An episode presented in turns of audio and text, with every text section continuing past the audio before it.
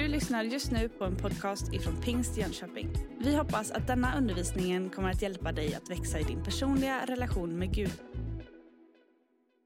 Det är inte förgäves att du gråter dina tårar. Det finns en hand att hålla i. Det fanns, finns en famn att falla i. Så sant. Men det är ju också sant att det inte alltid känns så. Ibland känns det ju som att marken försvinner under våra fötter och vi sugs in i ett existentiellt slukhål. Har du varit med om det? Det skulle jag vilja att vi pratar lite grann om idag. Jag har valt att kalla den här predikan för eh, missmod och lyssnande. Och man tänker ju så här, skulle man inte komma hit och bli lite uppmuntrad och få lite, ja, ja. Men evangelium tar livet som det är.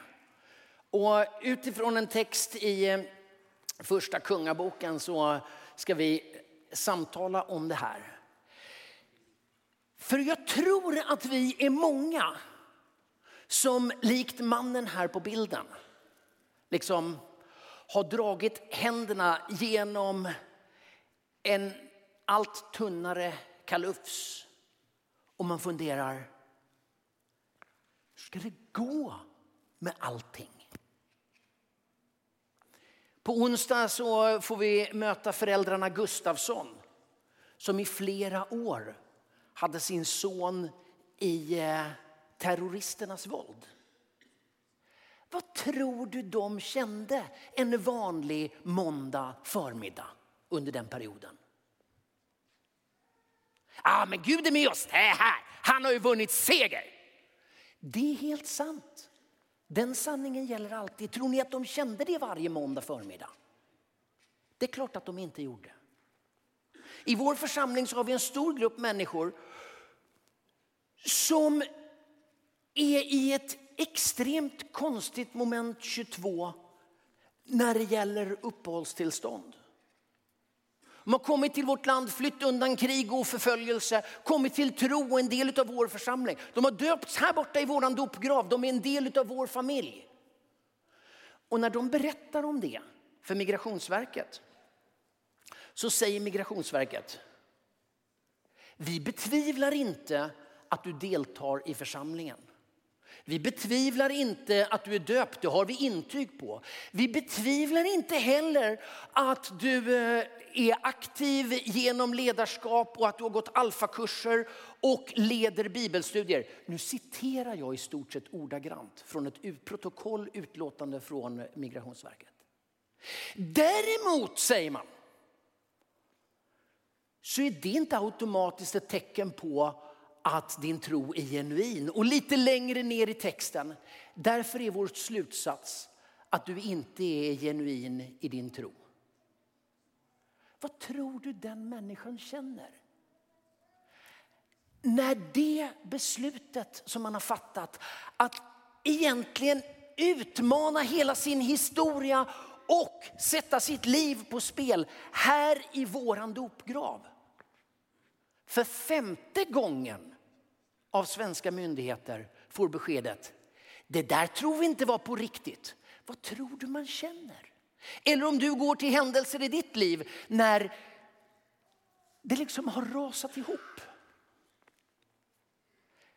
De flesta av oss har existentiella erfarenheter av att allt känns som att det går sönder. Vi ska läsa en bibeltext alldeles strax.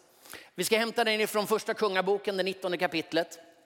Och vi kommer in i en berättelse kring Elia. Vi bara sätter in den jättekort i sitt sammanhang. Elia dyker ju upp i första kungabok, det 17 kapitlet. Elia, en man från Tishbe. Sabba dyker han upp. Och så säger han att nu kommer det inte att regna förrän jag säger till. Och så blir det regn och hungersnöd. Och kung Ashav och hans eh, gemål, drottning Isabel, de blir vansinniga. I kapitel eh, 18 så möter samme Elia Balsprofeterna på berget Karmel. Och ni som känner till bibelberättelsen vet att det är ju en hejdundrande seger. Det, är bara, det kan inte bli bättre. 450 Balsprofeter, 400 Aseras betjänare och de alla mot en Elia. Och Elias Gud sänder eld över offret och segern är vunnen.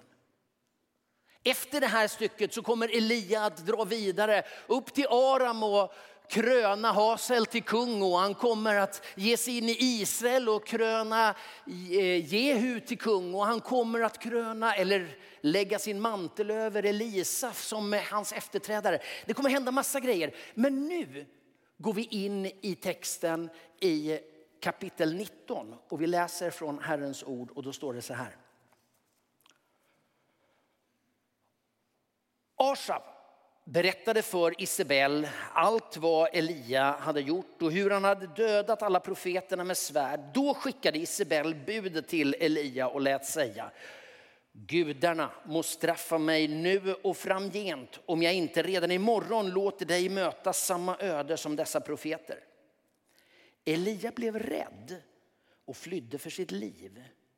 Han kom till Bersheva i Juda där han lämnade kvar sin tjänare. Själv gick han vidare en dagsled ut i öknen och efter vandringen satte han sig under en ginsbuske och önskade sig döden. Det är nog, sa han. Ta mitt liv, Herre. Jag är inte bättre än mina fäder. Han la sig ner och somnade där under ginstbusken. Då kom en ängel och rörde vid honom och sa, stig upp och ät. När Elias såg upp fick han se en glödkaka och ett krus med vatten vid huvudgärden. Han åt och drack och la sig att sova igen. Herrens ängel kom en andra gång och rörde vid honom. Stig upp och ät, sa han. Annars orkar du inte hela vägen. Elias steg upp och åt och, eh, och måltiden gav honom kraft att gå i 40 dagar och 40 nätter ända till Guds berg Horeb. När han kom fram gick han in i en grotta och stannade där över natten. Då kom Herrens ord till honom. Varför är du här, Elia? Och han svarade, jag har gjort mitt yttersta för Herren. Härskarornas Gud, israeliterna har övergett ditt förbund. Rivit ner dina altaren och dödat dina profeter med svärd. Jag är ensam kvar och nu står de efter mitt liv. Herren svarade, gå ut och ställ dig på berget inför Herren. Herren ska gå fram där. Gud, nu ber vi att ditt ord ska få tala till oss, att din ande ska få vägleda oss och att livet från dig ska få vara livet i våra liv. Amen.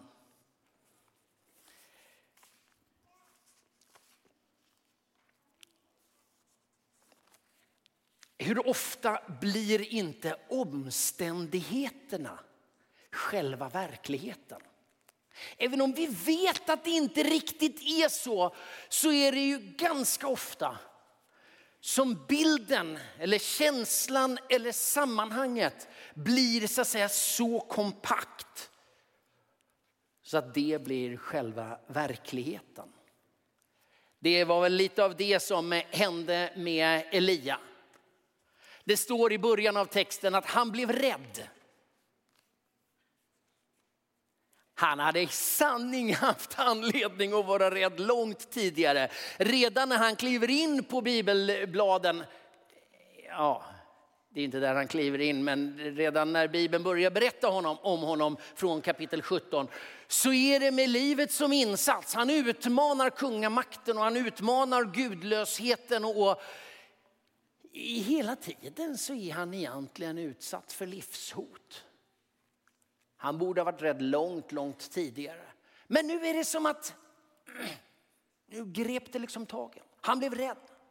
Isabel lovade att redan imorgon så ska jag döda dig med svärd. Han rusar iväg och flyr ut i öknen och där så vill han ge upp. Det är nog, ta mitt liv, jag orkar inte, lägg av, jag vill inte vara med längre. Så börjar han jämföra sig. Jag är inte bättre än mina fäder. Nej, vem har sagt att du skulle vara det?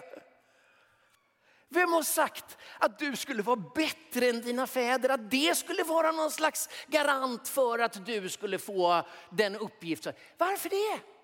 Jag är inte... Tänk om alla var som Frida. Kolla här nu. Frida, ställ dig upp. Titta.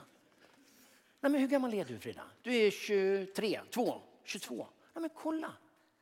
Tänk om alla var som Frida. Vänd på det så alla får se. Kolla här. Ja, men tänk, tänk om alla var som Frida ge sitt liv för Herren och vara med och liksom leda gudstjänst. Du gör det så bra. Tänk om vi börjar jämföra oss med Frida. Och så tänker man så här, nej det är ingen idé. Jag kan, inte, jag kan inte göra det Frida gör. Eller vem du väljer att jämföra. Vem har sagt att vi ska jämföra oss? Du har fått dina gåvor. Här ligger han, jag är inte bättre än mina fäder. Nej, det är möjligt. Men nu är det här som är din uppgift.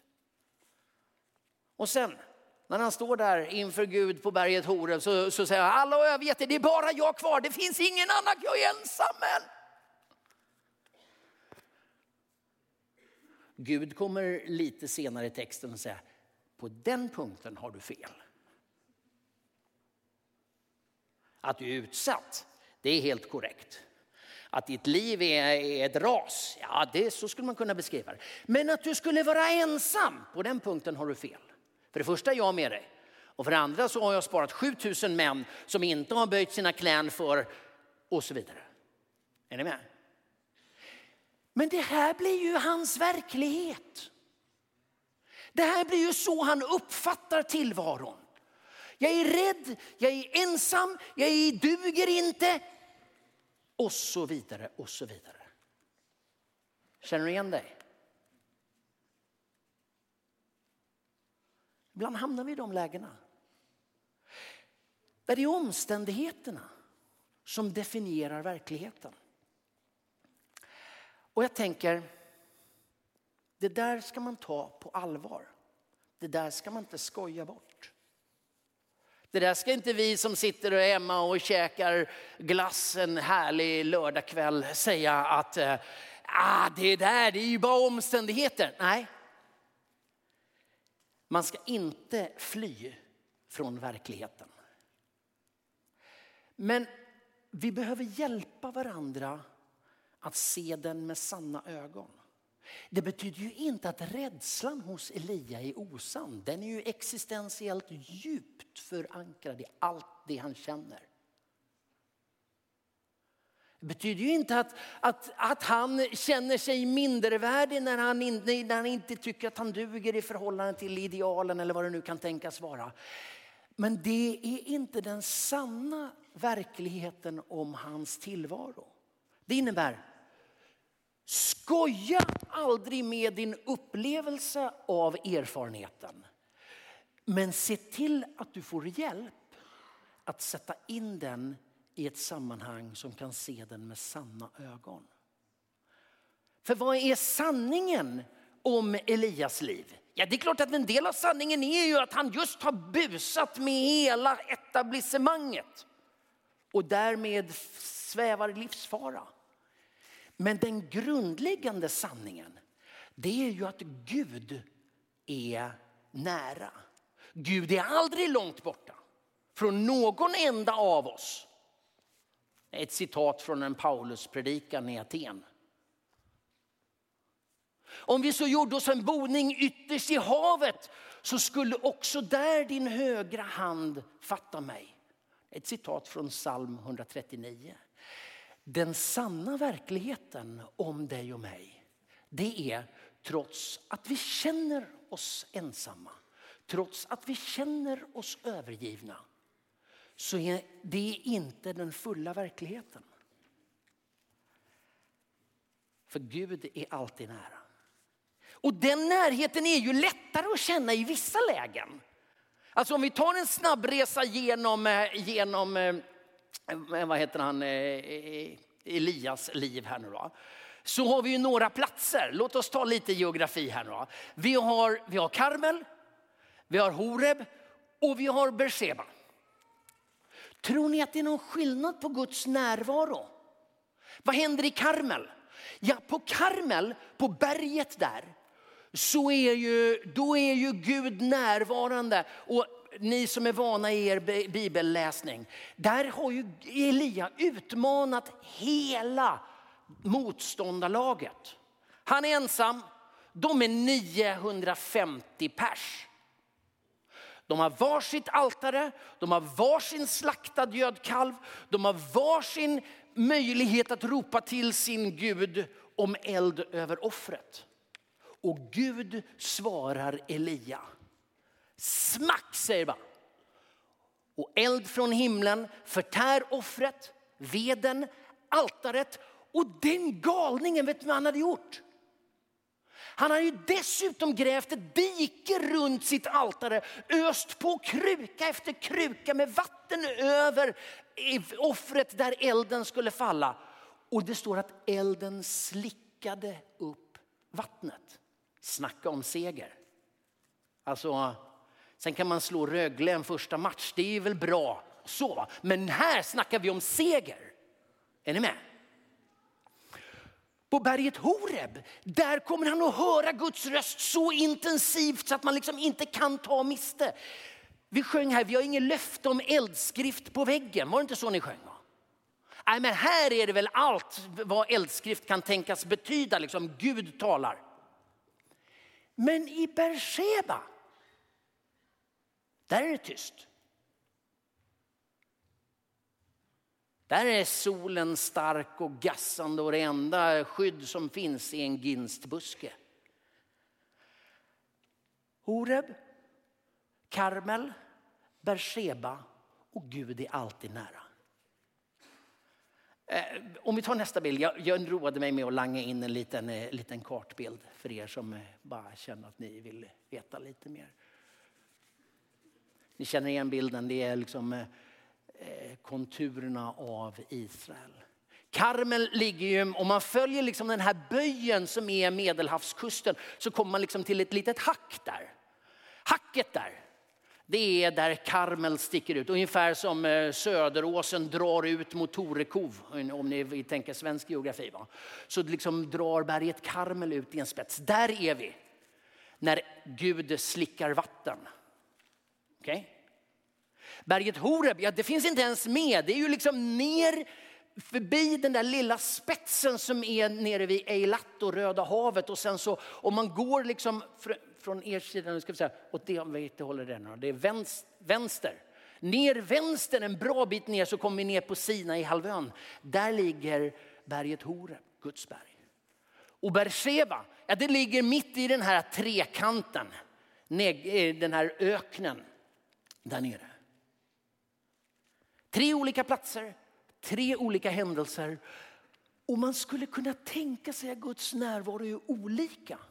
Men Bibeln är väldigt tydlig med att Gud är alltid nära. Ibland genom en elds, eld, eld som slickar vatten, ibland genom en stilla susning, ibland genom en lätt puff på axeln av en ängel som säger ät lite nu. Och så äter man lite nu och så somnar man. Och så kommer ängeln tillbaka och säger så här, du behöver äta lite till. Annars orkar du inte hela vägen. Är du med? Samma Gud, samma närhet, väldigt olika uttryck. Gud har aldrig lovat oss ett problemfritt liv, men sin ständiga närvaro. Och vi kan ibland missta oss när omständigheterna är svåra så tolkar vi det som att Gud är längre bort. Vi har inget definitivt löfte om att han skulle vara närmre när det är svårt. För han kan aldrig bli närmre än vad han alltid är. I luften vi andas, i hela tillvaron där vi lever. Gud är alltid nära. Det tredje jag skulle vilja säga någonting om det handlar om den här risken att fly in i ensamhet när svårigheterna kommer. Vad var det som hände med Elia? Ja, men han hade gjort en hejdundrande seger. Han hade ju kunnat, an, han, han hade ju kunnat anlägga liksom ett segertåg. Han hade kunnat utmana om kungamakten. Men han blir rädd och han flyr in i ensamhet. Han flydde ut i öknen och där står det i texten, det här tycker jag är väldigt, väldigt intressant. Han kommer till Berseba i Judaöknen. Där lämnar han sin tjänare och går ytterligare en dagsled ut i öknen och sätter sig under en ginstbuske. Han flyr från offentligheten, han flyr ut i ensamhet, han har sin enda vapendragare med sig. Och när han kommer till Beersheba så lämnar han. Och helt ensam väljer han att gå in i mörkret. Och jag tänker, det här är ju Guds ord. Och ibland gör vi misstaget och tänker, ja det är så man ska göra. Man ska gå till Beersheba. Kom igen, vi åker. Det går att flyga dit. Det går flyg direkt till Negevöknen så det går alldeles utmärkt. Och, så åker vi. och där ska man ha med sig någon som man ska lämna i Beersheba och så ska man gå en dagsled ut i öknen och där ska man hitta en ginst. Nej. Att Elia gör på det här viset är ju inte ett uttryck för att det här är idealet för hur vi ska hantera våra kriser. Men att det är en betydande risk att vi flyr in i ensamhet när svårigheterna möter. Och jag tänker det är inte så Guds ord ger oss rekommendation. Vad står det i eh, Paulusbreven? Lider en kroppsdel så lider de andra. Alltså, när du kämpar med ditt existentiella mörker. Om det är sjukdom eller vi behöver inte lista vad det kan vara. Det kan ju vara vad som helst. Det kan ju vara det du upplever som ditt existentiella mörker då lider de andra med. För församlingen är ingen utställningslokal där vi ska berätta om hur bra det gick efteråt. Livet, församlingen är en livsgemenskap där vi delar bördorna när de pågår. Lider en kroppsdel så får inte de andra veta det i efterhand. Här menar jag att vi i vår del av kristenheten eh, har en utmaning att hantera. Vi har ju på helt rätta grunder betonat Jesus seger. Och vi säger det finns seger i Jesu namn. Amen. Det är helt korrekt. Och så har vi sagt att Gud har gjort allting nytt. Vi är nya skapelser. Baksidan av vårt sätt att betona det är ju att den som inte upplever seger, den som inte vinner över sin egen brottning riskerar ju att uppfatta att man inte lever upp till vårt gemensamma ideal. Och vad gör man då? Då håller man tyst tills man kan ge sken av att leva upp till vårt gemensamma ideal. Jag menar, här har vi en fråga att hantera i vår del av kristenheten. Jag menar inte att vi ska säga att allting är svårt, det är, så, det är så problematiskt. Jag sätter mig och, och är fårad i ansiktet och drar händerna genom ett alltför stripigt hår och tittar med missmod rakt in i kameran. Det är inte det som är poängen. Men en ärlighet inför livets olika utmaningar. Där vi erkänner, nu brottas jag med det här. Nu har det här gått sönder i mitt liv. I en vanlig kropp så känner man om man har skoskav, om man har huvudvärk eller om man har någon annan åkomma. I vår kropp behöver vi skapa en sån typ av gemenskap så att vi delar smärtan med varandra och inte bara ytan av framgång. Här menar jag att vi skulle kunna berika varandra så mycket mer. Och faktiskt bättre kunna leva upp till det som är Bibelns uppmaning att bära varandras bördor. Men det är inte så rasande lätt att bära en börda som jag aldrig visste fanns. Att inte fly in i ensamhet. Det sista. Med Elia är det ju lite så här att mitt i den här smärtan så hör han nya röster. Eller inte nya röster, alltså, eh, utan han hör Gud på ett annat sätt. Jag tänker att Gud talar på en mängd olika sätt och han har ju talat till Elia från kapitel 17 och framåt och han kommer fortsätta en bra bit efter kapitel 19 där vi läste. Herrens ord kom till Elia och sen så levererar han sanningar om det ska inte regna förrän jag säger till. Det ska bli så här, det ska bli så. Så här säger Herren. Men där i smärtan och utsattheten är det som om hans öra också tränas att höra nya saker. En lätt knack på axeln från en ängel. En Gud som inte talar i stormbyn och jordbävningen utan i den stilla susningen. Jag menar inte att vi ska söka smärtan för att få fler dimensioner av Gud. Men jag tror att när vi är i den så kan vi lära oss att höra Gud på ett annat sätt, på ett djupare sätt. Och det är ganska många som vittnar om just det.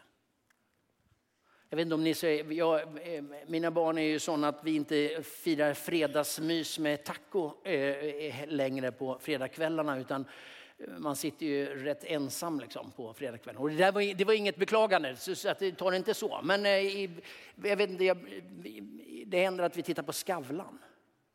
Några av er kanske såg Johan Ripås i, eh, i fredags i Skavlan. Barnet får cancer, de lämnar uppdraget till Sydafrika, kommer hem.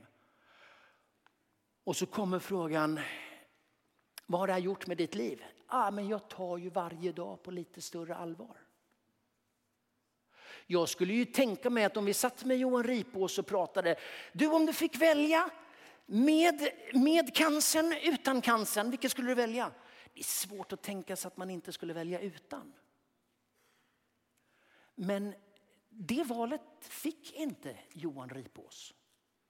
Det valet får vi sällan. Utan vi får det liv vi får i de här avseendena. Men vi kan lära oss att se livet i lite djupare nyanser och till och med höra Gud på ett annat sätt. Man kan höra sina egna tankar. Man kan höra en lätt knackning på axeln. Man kan höra Gud i den stilla susningen. Och vi ska inte idealisera kring existentiell och andlig smärta. Men vi kan konstatera att den kan fördjupa och ge nyanser åt den sanning som är att Jesus har vunnit seger över all ondska. Så därför tänker jag att det vi sjöng här i sången alldeles innan, vi och vi, det Lollo och gänget sjöng i sången innan. Det finns en hand att hålla i, det finns en famn att falla i. Det är en väldigt viktig sanning. Att falla i Guds hand, att veta vart man ska vända sig. Ängeln uppmanar Elias, stig upp, ät, annars orkar du inte hela vägen. Är du med? Att välja att ta det steget och gå in i att stiga upp och äta. Att ta del av den omsorg som finns både från Gud och från hans församling. Att i tider av, får jag bara komma, nej den här förra bilden, det är ju David, det här är ett David-citat. När han har klantat till det så vida pass att Gud säger, nu får du välja på två dåliga saker.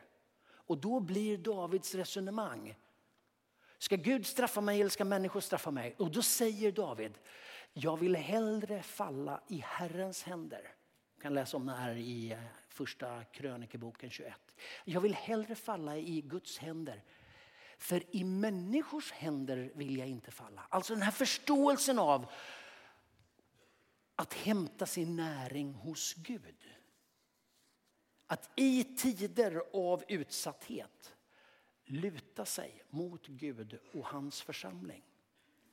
Och jag tänker att det är säkert så att det är flera här i samlingen idag som brottas med ganska djupgående, djupgående utmaningar.